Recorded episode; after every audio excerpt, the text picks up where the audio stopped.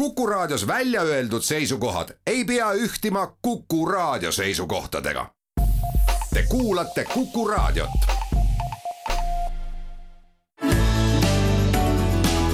keskpäevatund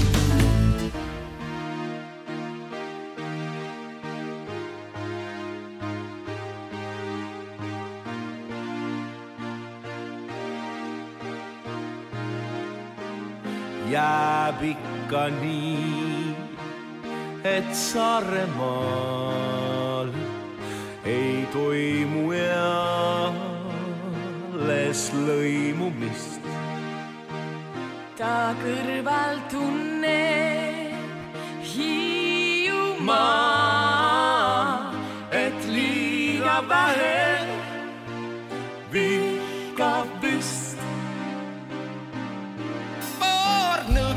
not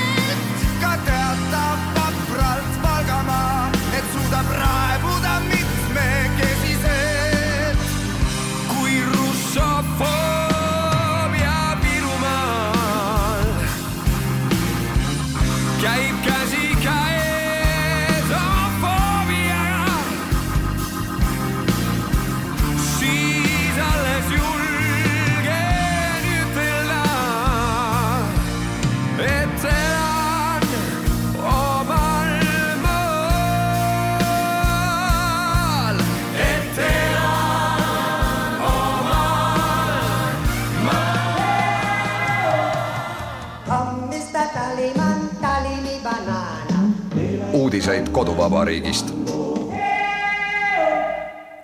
tere, on laupäev ja keskpäev ja keskpäevatunni aeg. kuku raadio otsestuudios on Marek Strandberg, Ignar Fjuk ja Ainar Ruussaar. tujurikkuja legendaarne ei ole üksi ükski maa on taas muutunud väga päevakajaliseks ja võtab meie tänase saate põhimõtteliselt ka kokku oleks muidugi pidanud mängima vana ansamblit Fix, aga tookord olid selle erakordselt populaarse bändi, mille üks asutajaid, lauljad ja bassimees oli Mart Helme, laulud küll ülipopulaarsed, aga tänases päevas kuidagi liiga pehmed. erinevalt muidugi Mart Helme hiljutistest mitmeti mõistetavatest avaldusest. tõsi, EKRE esimees kinnitas, et nad ei ole neutraalsed, vaid on Ukraina poolt. Ukraina poolt saab olla ikkagi ainult tingimustel, et Ukraina taastab oma territoriaalse terviklikkuse. Ja siis tuleb võtta muidugi luubi alla ka teised okupeeritud alad, Gruusia näiteks, loodan, et Mart Helme teeb uuel nädalal avalduse, ütleb, et Gruusia on okupeeritud ja selle riigi territoori-, territoriaalne terviklikkus Abhaasias ja Lõuna-Osseetias tuleb ka taastada ning Venemaa ja venemaalne võim peab sealt lahkuma. kaks asja on selged, mustvalgel on kirjas ja raadios järelkuulatavad, et Reformierakond ja Eesti kahesaja juhid on kinnitanud, et tänase, tänase EKRE-ga nemad ühist valitsuskoostööd ei tee tänase EKRE-ga selles mõttes, et nende juhtpoliitikute väljaütlemised peavad muutuma. no kas muutuvad? no poliitika on alati selline ju sõnaseadmise kunst ja kõikvõimalikud ajaloolised tähelepanekud, nagu näiteks see, samasse jõkke kaks korda astuda ei saa. Ehk et tegelikult kõik on meie ümber pidevas muutumises ja oleme ausad, see trikk näiteks, mis valimiste järgselt, kui jõudude vahekord osutub sellega selliseks, et noh, tõepoolest tulebki istuda Helmete ja kõigi muudega maha ja hakata nendega valitsust tegema, siis nagu no kõige lihtsam lause on ju see, et kuulge, eile ma märkasin Mart Helme silmis ikkagi mingit lootustandvat tulukest. Ja ongi kõik, see ei ole endine EKRE ja kõik on muutunud ja selles mõttes nagu Strandberg, oled ikka oleme ausad, tegelikult on see noh, kogu see jutt ongi nagu noh, lühidalt kokkuvõttes niisugune pehmemat sorti hülgemöla, noh, millesse võib suhtuda nii ja naamoodi, vaadata tuleb seda, millised on programmid, kas sellest midagi paraneb või mitte, see, mida keegi kellegi kohta ütleb, see on lihtsalt markeerida polaarsust ja mitte midagi muud. Strandberg, sa oled ikkagi juba vanema mehena nii palju kogenud ja ma teangi. et noh, see, mida sa maalid, no ei ole võimalik, et, et sinu mälu ja minu mälu unustavad ära selle, mida Kaja Kallas on öelnud täna EKRE kohta see ei oma lihtsalt mitte mingit tähendust, selle, sellepärast et tollel hetkel, kui kaardid on laua peal ja valitsust on vaja teha, sellepärast et nii palju on panustatud, miljoone on panustatud kampaaniasse ja millesse iganes võim peab nii-öelda lahendama ära selle frustratsiooni, mis tuleneb inimese ajudes olevast serotoniini defitsiidist ja võim on vaja saada iga hinna eest kokku leppida ja siis lepitaksegi kokku, siis hakkab kõigil hea.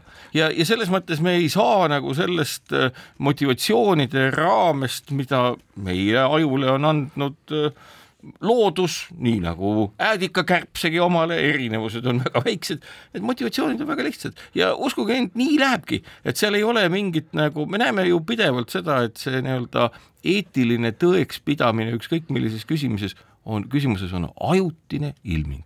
ilm on niigi õudne ja läheb järjest pimedamaks, Ignar. ma olen täheldanud vist juba kümmekond aastat raadiosaateid tehes või teisis, teistes kontekstides sõna võttes, et ja imestanud, et miks Eestis ei ole kunagi vähemusvalitsust samas ma olen ju aru saanud, et kõik, mida meie väike riik teeb ja julgeolekupoliitilisi sõnaseadmisi ja avaldusi me teeme julgemalt kui mõni teine riik ja põhjust selleks on palju ja seda me oleme alati põhjendanud sellega, et meie lähtekoht on väärtuspõhine.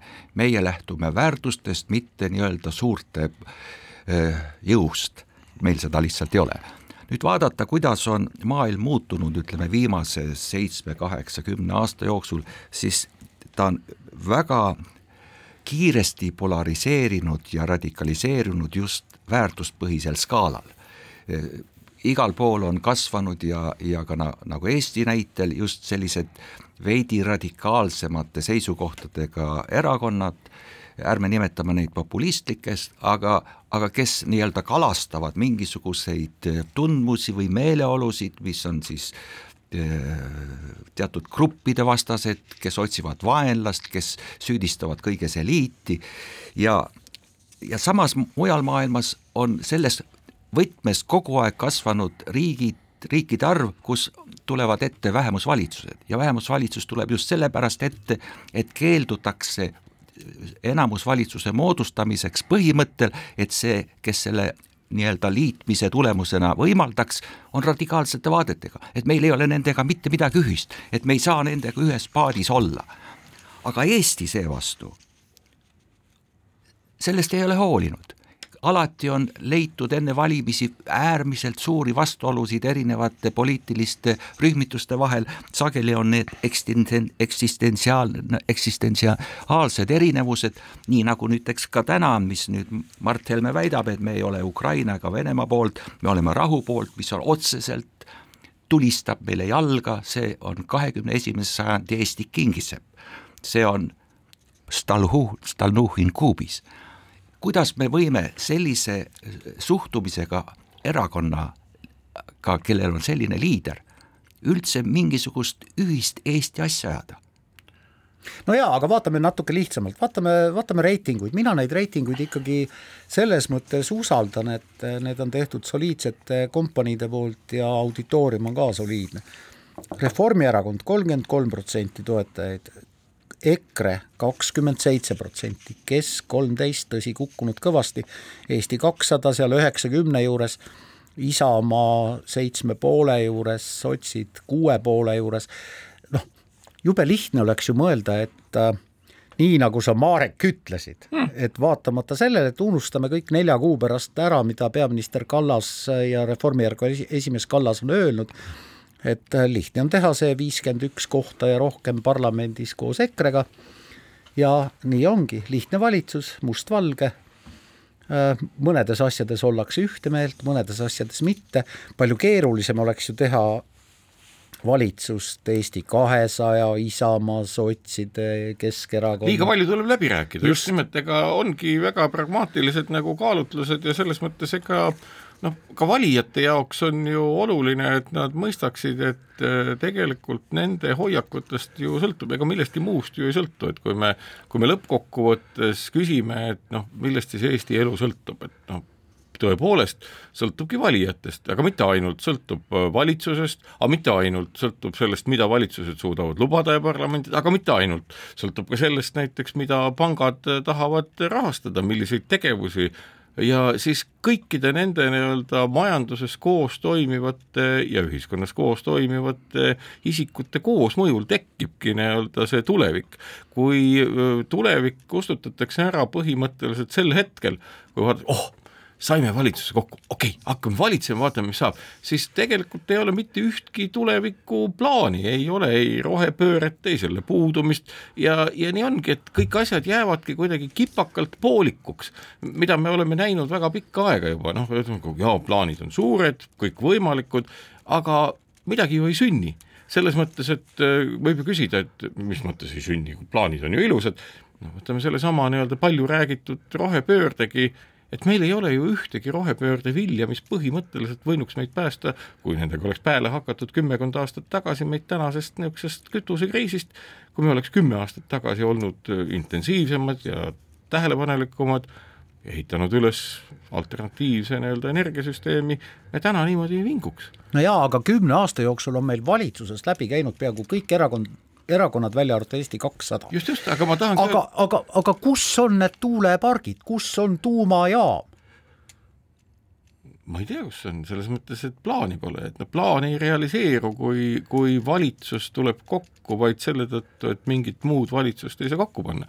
Ignari sõnum selle kohta, et vähemusvalitsus on ka valitsus, on minu meelest väga õige ja ei peaks seda pelgama, selles mõttes vähemusvalitsus on suurem vaev valitseda see tähendab suuremat vaeva läbi rääkida. ja suurem, suurem oht teha valesid otsuseid, et parlamendierakond, parlamendi enamus nad kohe maha võtaks. jaa, aga see tähendabki seda, et see on oluliselt sisulisem valitsemise viis oludes, kus ei õnnestu teha terviklikke kokkuleppeid. ma nüüd teeksin mingisuguse kummalise järelduse sellest möödunud kümnest aastast, seda tuuakse esile alati siis, kui me ütleme, et me ei ole energiapoliitikas mitte midagi teinud, samas mööname, et kõik parlamendierakonnad on olnud valitsuses, et ilmselt põhjuseks ongi see nii-öelda enamusvalitsuse mugavus et sa ei peagi midagi tegema, sul on riigieelarvest vastavalt parlamendikohtadele erakondade pidev finantseerimine, enamushääldega nii-öelda teerulliga sa võid ükskõik mida teha, aga õigemini see on väljendunud ükskõik mitte midagi teha, tehes. Ja, ja sellisena see tänane reiting ka on üks omajagu nagu peegeldus sellest meie nii-öelda poliitilisest elust, kus on minetatud vastutuse tähendus ja kus keegi ei vastuta, see poliitiline vastutus on lihtsalt see, et kas sa saad valituks või sa ei osutu valituks, aga sisuliselt keegi ei kaalu, et miks või miks see juhtus või miks mitte. kas meie poliitiline süsteem on selles mõttes hästi mugav, eks ole, et kui on noh, piltlikult öeldes selleks, et saada minimaalselt kümme kohta Riigikogus, pead sa minimaalselt kulutama kaks kuni kaks pool miljonit eurot, tahad rohkem saada, pead rohkem kulutama, ehk et see on muutunud nagu sisse ehitatud majanduseks, mille ümber tiirlevad erinevad suhtekorraldajad, kes teavad täpselt, kuidas asi käib. Ja kuna eesmärk on see, moodustada kindlasti enamusvalitsus, siis tegelikult Ignari öeldu ongi selline, et me vaatame teisele poole ookeanit, noh, hoopis teine valimissüsteem, aga seal on nagu iga kahe aasta tagant vahevalimised ja kogu aeg on nagu mingisugune demokraatlik protsess käimas, kogu aeg tuleb mingit sõnumit tekitada ja kogu aeg peab olema nii-öelda noh, valmis vastutama. valmis vastutama. Ja me võime küll öelda, oh vaadake, mis seal kõik toimunud on, no mis seal siis lõpuks toimunud on, jätkuvalt on tegemist Ameerika Ühendriikide näol kõige võimsama nii-öelda sõjalise riigiga, tänu millele on meilgi hea olla ja nii edasi, ehk et äh, ma arvan, et kui küsida ja kui noh, oleme me üldse nii-öelda pädevad olema selle vastajad, aga et kui küsida, et mis võiks olla nagu järgmiste valimiste nii-öelda asja sisu, et lavastust tahaks vähem näha ja tahaks siiraid nii-öelda vastuseid selle kohta, mida te siis tegema hakkate ja mis on need plaanid kuni selleni välja, et võiks täiesti rahulikult võtta eesmärgiks, et jah, mis siis, las olla vähemusvalitsus, kes peab rohkem vaeva nägema selleks, et asjad välja tuleksid. ja võib-olla sellise kergendusega tõepoolest need nii-öelda deklaratsioonid, kellega me koostööd ei tee, hakkavad ja ärkavad ellu, et noh sa räägid, sa räägid, sa kirjeldad enam kui kümme aastat tagasi lavalaudadele jõudnud menutükki Ühtse Eesti Suurkogu praegu. no ei, ma ei kirjelda seda. aga see oli hea tükk ja see andis palju sellist lootust tuleviku muutuseks. no võib-olla siis kirjeldasin, kui sa teatrikriitikuna seda nii hästi mäletad. aga ma tahtsin öelda nüüd seda, et olemata küll ajakirjanik, aga ka selles saates ja raadiosaadetes me var, va, paratamatult satume sellisesse nii-öelda ajakirjanduse võimupositsioonile ja ma arvan, nüüd enne valimisi neli kuud peaks ajakirjandus seda nii-öelda väärtuspõhisust rohkem esile tooma, no näiteks seesama viimane juhtum, et me ei ole Ukraina ega Venemaa poolt, me oleme rahu poolt. Ja siis seda ajakirjanduses ma olen jälginud, seda tõlgendatakse, tõlgendatakse just nagu mingisuguse nii-öelda veidi üle võlli retoorikana, et lihtsalt püüda mingisuguseid valijasegmente ja et ega tegelikult see nii ei ole ja Mart Helme ka kohe ütleb, et see oli lihtsalt väär sõnakasutus. mina arvan, et see nii ei ole. mis meelel, see keelel. ja no aga me oleme ja, ju rahu poolt. ei, ära nüüd hakka, ära nüüd mine sellesse karusselli, kus on sõna rahu. räägime sellest, kas me oleme Ukraina poolt. meie oleme, aga tema ei ole järelikult siin lõpebki meie arutelu ka rahust, sest kui me ei ole Ukraina poolt, me oleme sõja, vägivalla, okupatsiooni, agressiooni poolt väikerahvaste vastu, kõigi vastu.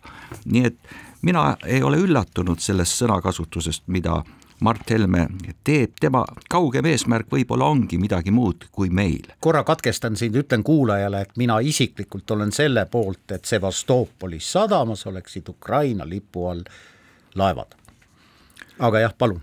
hüva, aga nüüd sellest kalastamisest, mida, mida püütakse nii-öelda inkrimineerida jutumärkides, et, et ta püüab lihtsalt Keskerakonnas Keskerakonda seni toetanud venelaste hääli, siis ma kahtlen selles, sest Riigikogu valimistel ikkagi osalevad vaid Eesti kodanikud ja eeldada, et Eesti kodanikke saaks sellisel suurveneliku ja läänevastase mölaga enda poole võita, ma arvan, see on sügavalt ekslik jah, on neid ka eestlaste hulgas, kes arvavad, et, et ukrainlased on selles sõjas süüdi.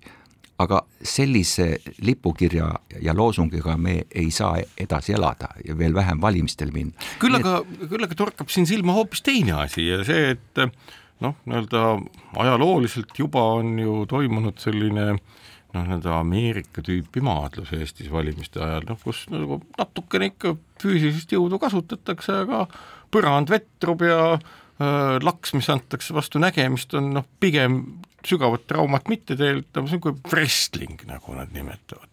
No siiamaani on olnud Reformierakonna wrestling'u partneriks Keskerakond, noh süsteemselt nad on vastandunud, nüüd Keskerakond on nagu nääpsukeseks jäänud, tema toetus on väike ja ma arvan, et intuitiivselt mõlemad pooled, nii Reformierakond kui EKRE ilma mingit kokkulepet omamata vaatavad, oh, et vot selline vastandumine võiks abiks olla.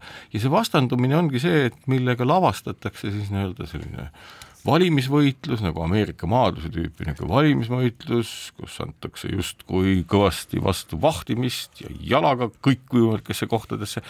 tegelikult on see selline noh, me võime küsida, et no kõik ütlevad, ei, meil mingit niisugust kokkulepet ei ole, vaadake, mõnel suveöösel, kui te vaatate näiteks heinamaa peal jaaniussikesi, kes nagu algul, kui pimedaks läheb, vilguvad nagu juht, juhuslikult ja siis ühtäkki hakkavad nad sünkroonselt vilkuma plõks, plõks, plõks, plõks, nagu metronoomid samas taktis. Nad ei ole teinud omavahel mingit kokkulepet, vahepeal ei toimunud mingit jaaniuisikeste kogunemist, kus nad ütlesid, kuulge, nüüd kella pealt täpselt võngume niimoodi. see on intuitiivselt äratabatav sünkroonsus, kõik saavad aru, ahah, kui me nii teeme, siis me ammutame enim hääli valijatelt ja pange tähele, see toimub ja seda on põhjust näidata, et selline lavastus ei ole õige asi. Sinu mainitud see Keskerakonna taandumise saab anda seletuse, nii nagu väga paljudele asjadele saab praegu anda seletust seoses Ukrainas toimuvaga. et ju Keskerakonnas on olnud aastaid nii-öelda need kaks poolust, kes täna sõdivad nende toetajad, kas otse, kaude või mingisuguse mööndusega, ja nüüd need valijate grupid, kes seni vaatasid Keskerakonnale, kes ei olnud nii-öelda sellest sõjast puudutud, nüüd kahtleva pilguga, et aa, seal on ka mingit kahtlast elementi mõlemalt poolt. Ja seetõttu ka nende toetajate arv väheneb ja sõja jätkudes see väheneb veelgi. see on paratamatu protsess. Ja võib-olla lõpetuseks ma nüüd jõudsin vahepeal vaadata viimase viie, kuue, seitsme aasta jooksul, palju on siin meie lähipiirkonnas Euroopas olnud vähemusvalitsusi, siis on Norras, Taanis, Rootsis, Iirimaal, Portugalis, Hispaanias, Tšehhis, Horvaatias, Sloveenias, Rootsis alles neli päeva tagasi parempoolne vähemusvalitsus tuli võimule üle kaheksa aasta esimene parempoolne, aga vasakpoolseid on seal kogu aeg aga miks te seda, mehed, seda vähemusvalitsuse ideed niimoodi propageerite, et, et tegelikult ka enamusvalitsus saab olla ju tegus, on valitsusprogramm, on eesmärgid, me ei saa ju öelda, et tänane valitsus, mis on enamusvalitsus, ei tee mitte midagi.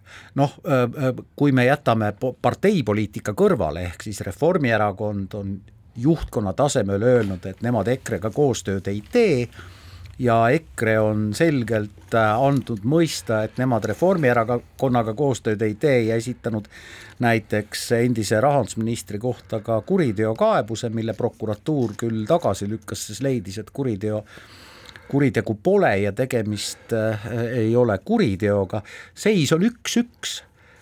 et miks te neid vähemusvalitsusi vähemusvalitsuse ideed niimoodi üldse propageerite, ma ei saa aru sellest. no küsimus ju tekkis sul endal, saatejuht, lugupeetud, lugupeetud saatejuht, et, et kas siis tõesti need, kes täna deklareerivad, need ei tee koos valitsust, et nüüd nad teevad põhjuseks ma tõin, et see, neil puudub väärtuspõhine konflikt, nad ei näe seda.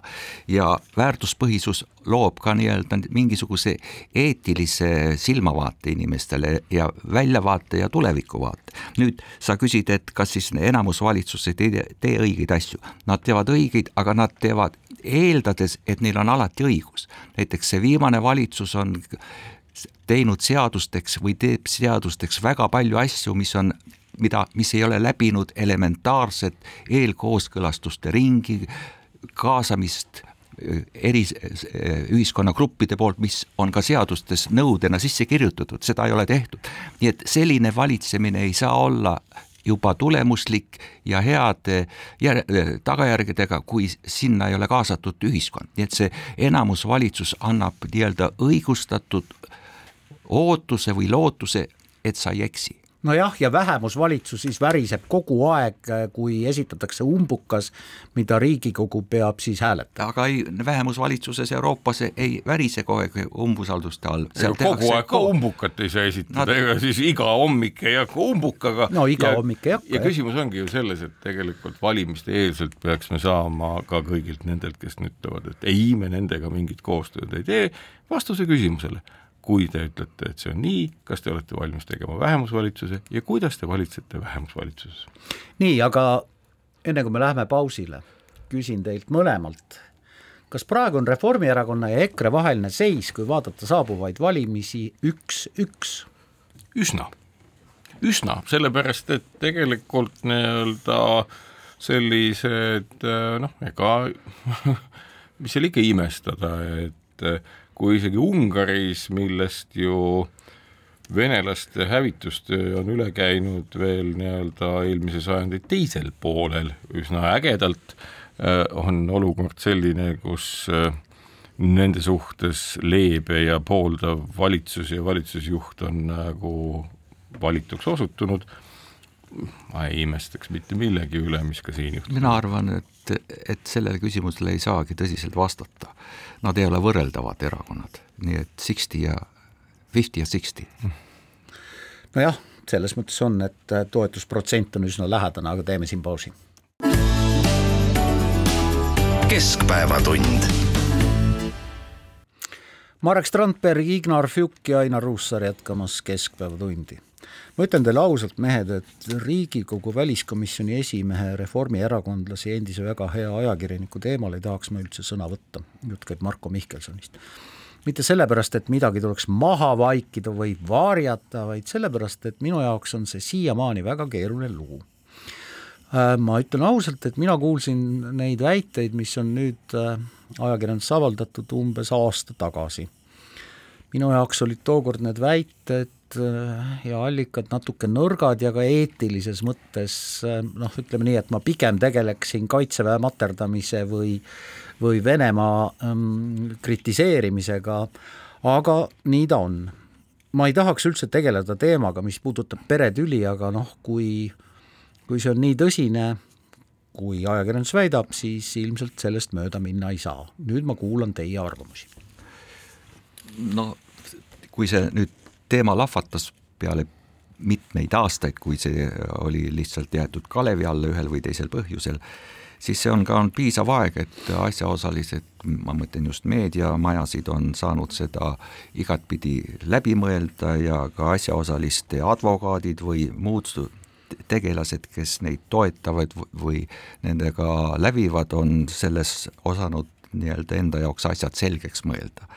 ja ka Markole endale on, nagu ta on öelnud, et see on kergendus temale, et see lõpuks välja tuli nii-öelda avalikkuse jaoks, sest mõelge ise, igal hommikul avad nii-öelda meedialeheküljed internetis ja hirmuga uurid, kas nüüd on ta päevavalgele tulnud või ei ole kolm aastat sellist eh, kibedat elu.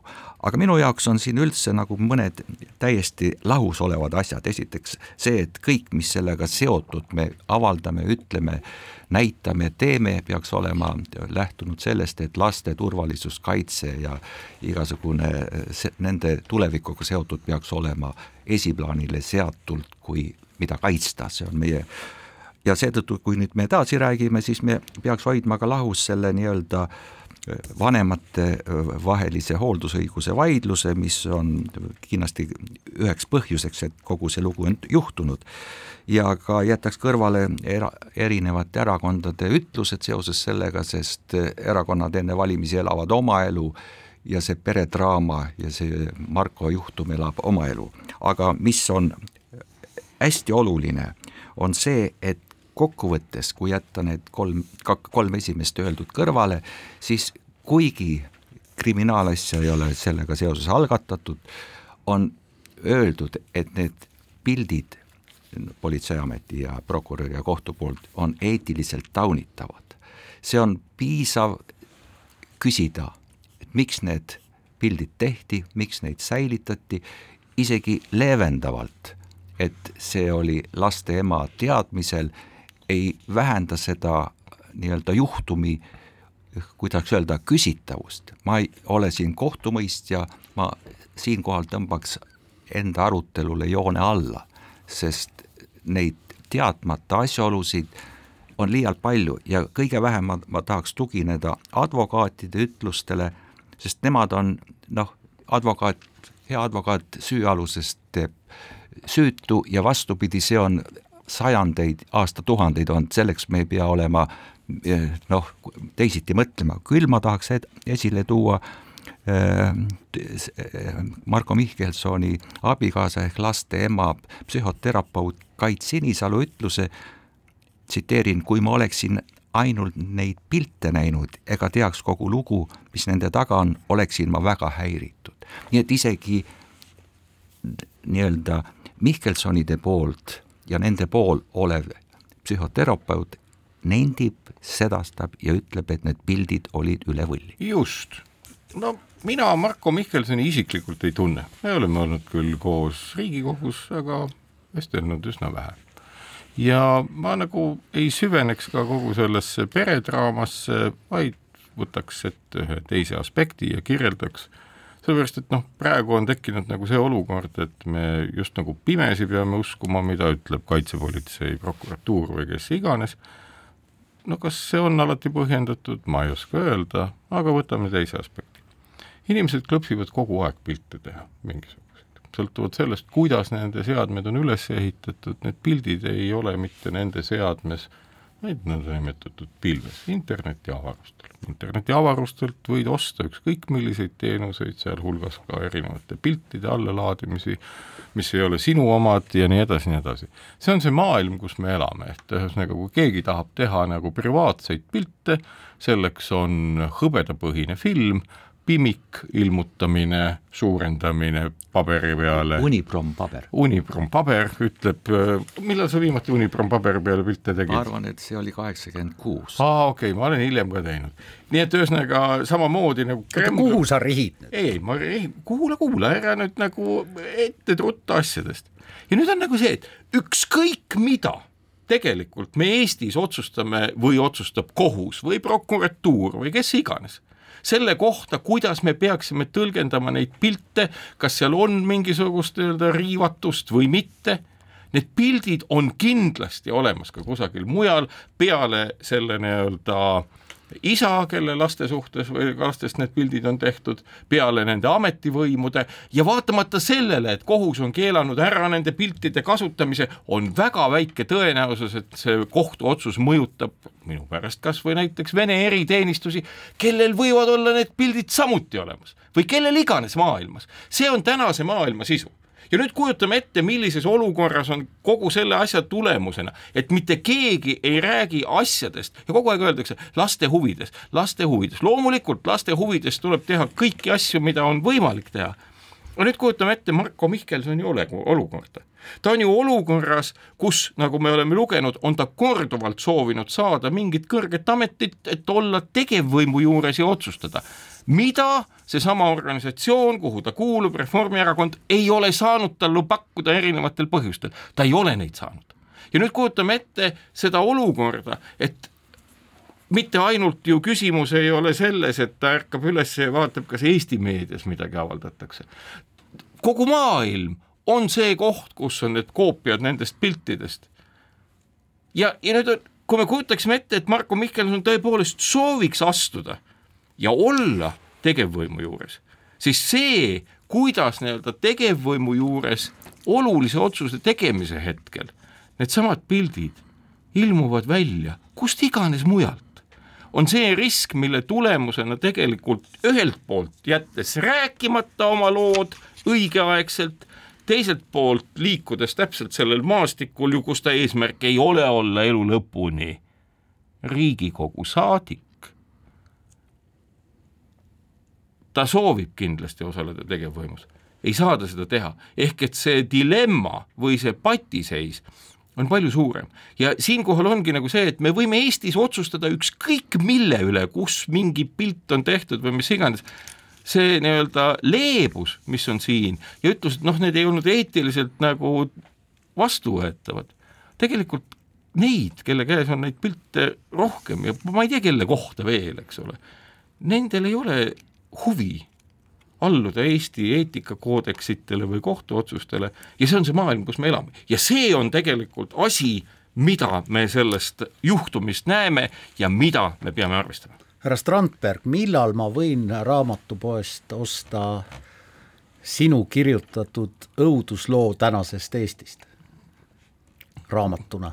mina olen optimist aga see ei tähenda seda, et ma peaks olema idioot, äh, saamaks aru, et äh, ja, ja, ja ütlemaks, oi, infosüsteemid on turvalised, sealt ei leki kunagi mitte midagi. ma saan ju aru, kuidas need asjad töötavad, kõik inimesed saavad aru, kuidas need asjad töötavad. Ja see, kuidas nagu küsimuse all on, mida ka ju Postimees mõnes mõttes nagu püüdis adresseerida, tuues sisse nagu uue tegija, kes oli siis äh, laste isa advokaat, kes nagu esimest korda oma näo ja nimega esines, et, et nagu, nagu, nagu me liigume hästi pisitasa selles suunas meie toimetuse liige Aarne Seppel osundas selle peale, et tõepoolest, et kuulge, kui te teete pilti, kui te teete mingisuguse videosalvestuse või mida iganes, siis ärge arvake, et see on teie videosalvestus, et see on teie nutiseadmes tehtud videosalvestus.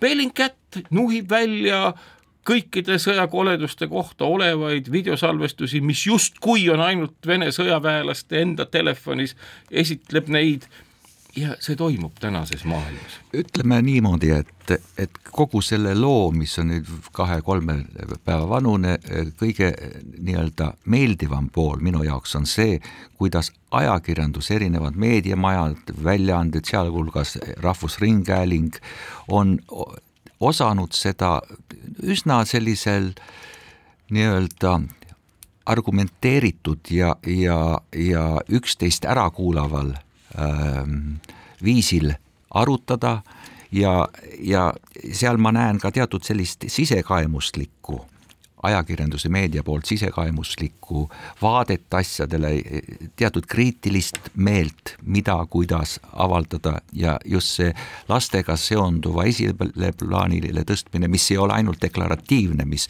poliitikute puhul alati taandub ainult sellele, et see on olnud minu jaoks noh, nagu uus Eesti.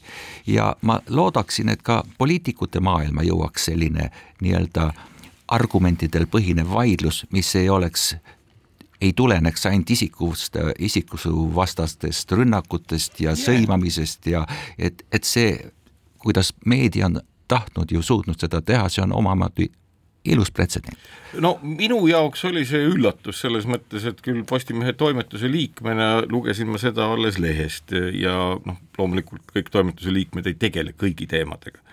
aga paneme nüüd nagu tähele just nimelt seda asja, et et jällegi, et kui ma nüüd ka ennem seda saadet vaatasin nii palju erinevaid nagu esitlusi ja muid asju läbi, et ma näen nagu seda, kuidas nagu seda püütakse esitleda kui küsimust lastest, loomulikult see on küsimus lastest, aga tegelikult on see sündmus palju suurem ja see, et nii-öelda meie uurijad on midagi uurinud ja möönnud, et võib-olla väga hull asi ei olnud, tegelikult tänases maailmas ei tähenda mitte midagi. ehk et mõnes mõttes on Marko Mihkelson sellises tõepoolest oma karjääri mõttes ülikeerulises olukorras, millest aitab välja tema rääkimine või tegelikult nii-öelda annab kinnitust juhul, kui mitte midagi ei toimu, see asi kustub sellisel moel, sest tegelikkuses tema karjääri ju enam tegevpoliitiku mõttes nii-öelda tegevvõimu juures ei eksisteeri, sellepärast et seesama teadmine, seesama teadmine, et need failid, need pildid digitaalsena ei ole mitte ainult Eesti kohtu käes, kes keelab selle nii-öelda avalikustamise ja mille iganes, vaid nii kaitsepolitsei, prokuratuur, kõik, kes saavad aru digitaalse maailma toimimisest, saavad aru, et need pildid on virtuaalses mõttes kõikjal. kuivõrd sa ütlesid Marko Mihkelsoni eh, nime, siis ma lihtsalt juurde lisan, et, et ärme nii mustvalgelt võtame, et võimalik, et temale nii-öelda takistuseks saab mitte see, mis toimus, vaid see, kuidas ta seda pärast kommunikeeris õigemini ei ole kommunikeerinud, et ta jätab küsimusi rohkem üles, kui ta saaks vastata, sest kõik ei ole seotud ju lapsega. ei, loomulikult, ma, ma tahangi öelda, et me ei aruta peretüli, vaid ja. me arutame digitaalse maailma tegelikku mõju meile kõigile ja see on asja sisu. nii, ma väga loodan, et äh, paari aasta pärast ajakirjandusloengutes ja ajakirjandusõpikutes on see üks näide, kus kokku põrkavad eetika ja poliitika. tõmbame nüüd hinge, mehed, korra. keskpäevatund sotside juhust ja juhist äh, Lauri Läänemets, kes on ka siseminister ja peaminister Kaja Kallas ja välisminister Urmas Reinsalu on lõppenud nädalal võtnud ette tõsise tüki. Ja nüüd Marek Strandberg, Ignar Fjuk ja Ainar Ruussaar arutlevad selle üle. Alustuseks, kas Schengeni sisepiiril tuleks tõepoolest kehtestada piirikontroll, sellise ettepaneku tegi välisminister. ma võib-olla äh, sellesse äh, teemasse läheks äh, teatud tsiteerimisega, mida siseminister Lauri Läänemets nüüd eile on teinud seoses sellega, et valitsus on nüüd seda teemat arutanud. ta väidab, et Eestisse on tulnud umbes sada kaksteist tuhat Ukraina sõjapõgenikku, ajutist kaitset on taotlenud kolmkümmend kaheksa tuhat. jaa, aga Ja kuritegevus siis- ei ole oota, suurenenud. oota, ja siseministeerium pakub, ma rõhutan, pakub, et Eestis võib praegu viibida umbes kuuskümmend üks tuhat sõjapõgenikku. samas pole üldse teada, keda ja kui palju Eestis täpsemalt neid on, keegi seda ei tea. Ja alles nüüd on siis valitsus arutanud ja pannakse ette, et võiks siin viibivaid sõjapõgenikele seada teavitamiskohustuse. kaua nad siin on, mis nad teevad, ühesõnaga tänase hetke seisuga pole üldse teada, on neid kümme, kakskümmend tuhat rohkem või vähem, kus nad on, mida nad teevad, et kogu see kriisiaeg alates kahekümne neljandast veebruarist, kui me oleme tead-, olnud teadvad, näinud sadu kordi videopilte sellest, kuidas põgenikud tulevad üle ja nendega seal midagi tehakse, aga seni pole üldse mingisugust arvestust ja neile teatud teavitamiskohustusi seatud, see on enneolematu, me oleme riigis, kus me üldse ei tea, kes siin kõik ringi liiguvad. Ignar, Ignar, kui ma olen sõjapõgenik, ma olen kaotanud oma kodu, oma töö, tulen äh, riiki, kus ma tunnen ennast turvalisena, miks ma peaksin ennast varjama, miks ma peaksin mitte endast teada andma, sest kui ma annan endast teada, siis hakatakse mind aitama. Mulle otsitakse elukohta ja nii edasi, miks ma peaksin kusagil, ma ei tea, sellise ilmaga, nagu praegu akna taga on, olema mitte keegi, see on ju jabur. Ei, aga samas on ikkagi võim ise väitnud, et, et vähemalt paarkümmend tuhat inimest on küll ületanud piiripunkti, aga nende kohta ei ole Eestis üldse midagi teada, asuvad nad Eestis või ei ole.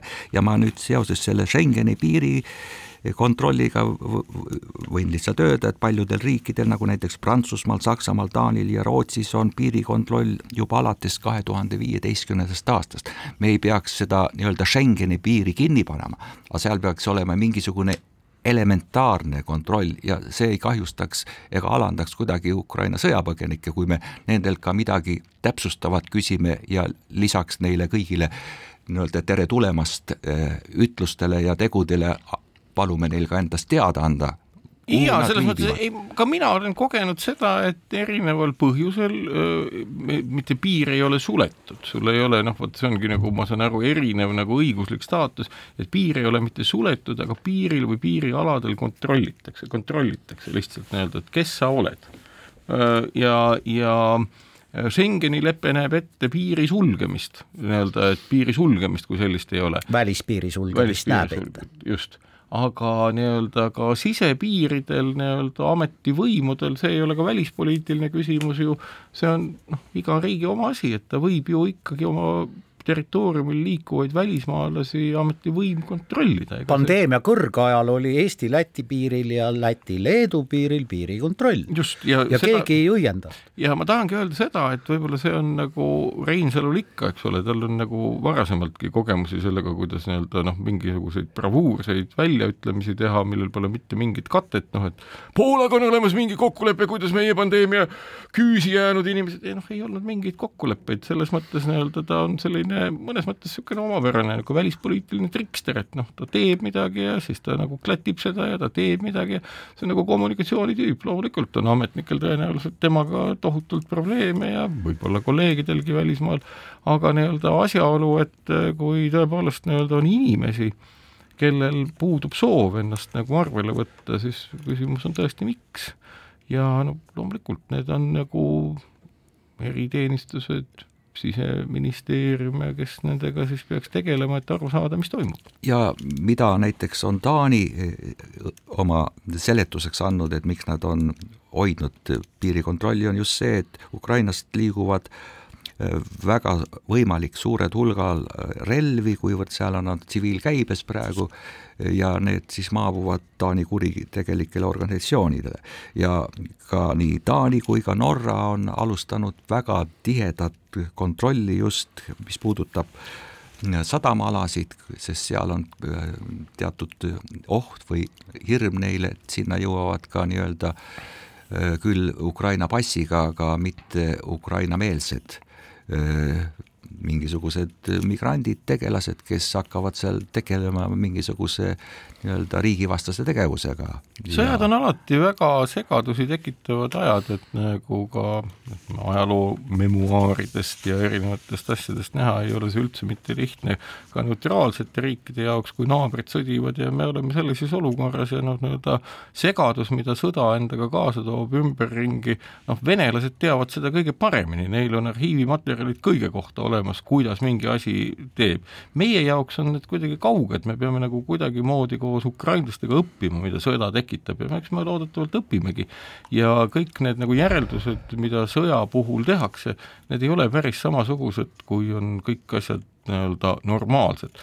nii et sõjaga seonduvad kaasas käivad ebamugavused ja kummalisused on hetkel veel toimumas paljude jaoks, riikide jaoks on need arhiivides kirjeldatud, meie jaoks mitte.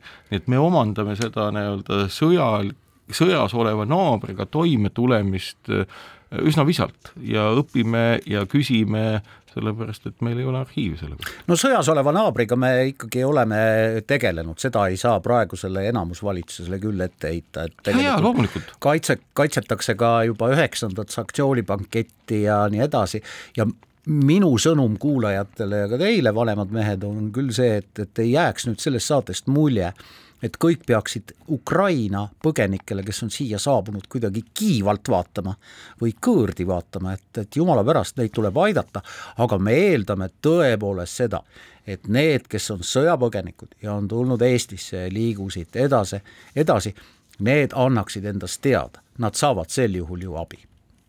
nii on ja kui nad ei anna endast teada, on küsimus, miks nad ei anna endast teada, vastuseid ei ole ainult üks, et oi, siis nad on vaenulikud, vastuseid võib olla väga palju, sellepärast et me ei kujuta isegi ette seda, mida tähendab sõjapiirkonnast tulla, mida tähendab sõjapiirkonnast tulla läbi Venemaa. Ja, ja need üksikud killud, mida me selle kohta aimata saame, on väga üksikud. Nagu siseministeeriumi ametnik on väitnud, on Eesti elanikkond kasvanud kolm-neli protsenti. Ja samas öeldakse, et aga samas neil puudub igasugune hinnang või alus selleks muretsemiseks, et see tekitaks mingisugust ekstsesse. ma arvan, me ei ela tänases päevas, me peame vaatama kaugemale, nii et me peame täpselt teadma, kes Eestis elavad ja jõudu selleks siseministeeriumile ja valitsusele see läbi viia, see vastav äh, muutus ja jõudu kolme jõuametkonna uuele juhile, kelleks siis on Kaitsepolitsei, Politsei- ja Piirivalveamet, mis on kõige segasem praegu, ja ka Päästeamet. aitäh, et kuulasite Keskpäevatundi, Ignar Fjuk, Marek Strandberg, Ainar Ruussaar tänavad, Keskpäevatund taas järgmisel laupäeval keskpäeval. keskpäevatund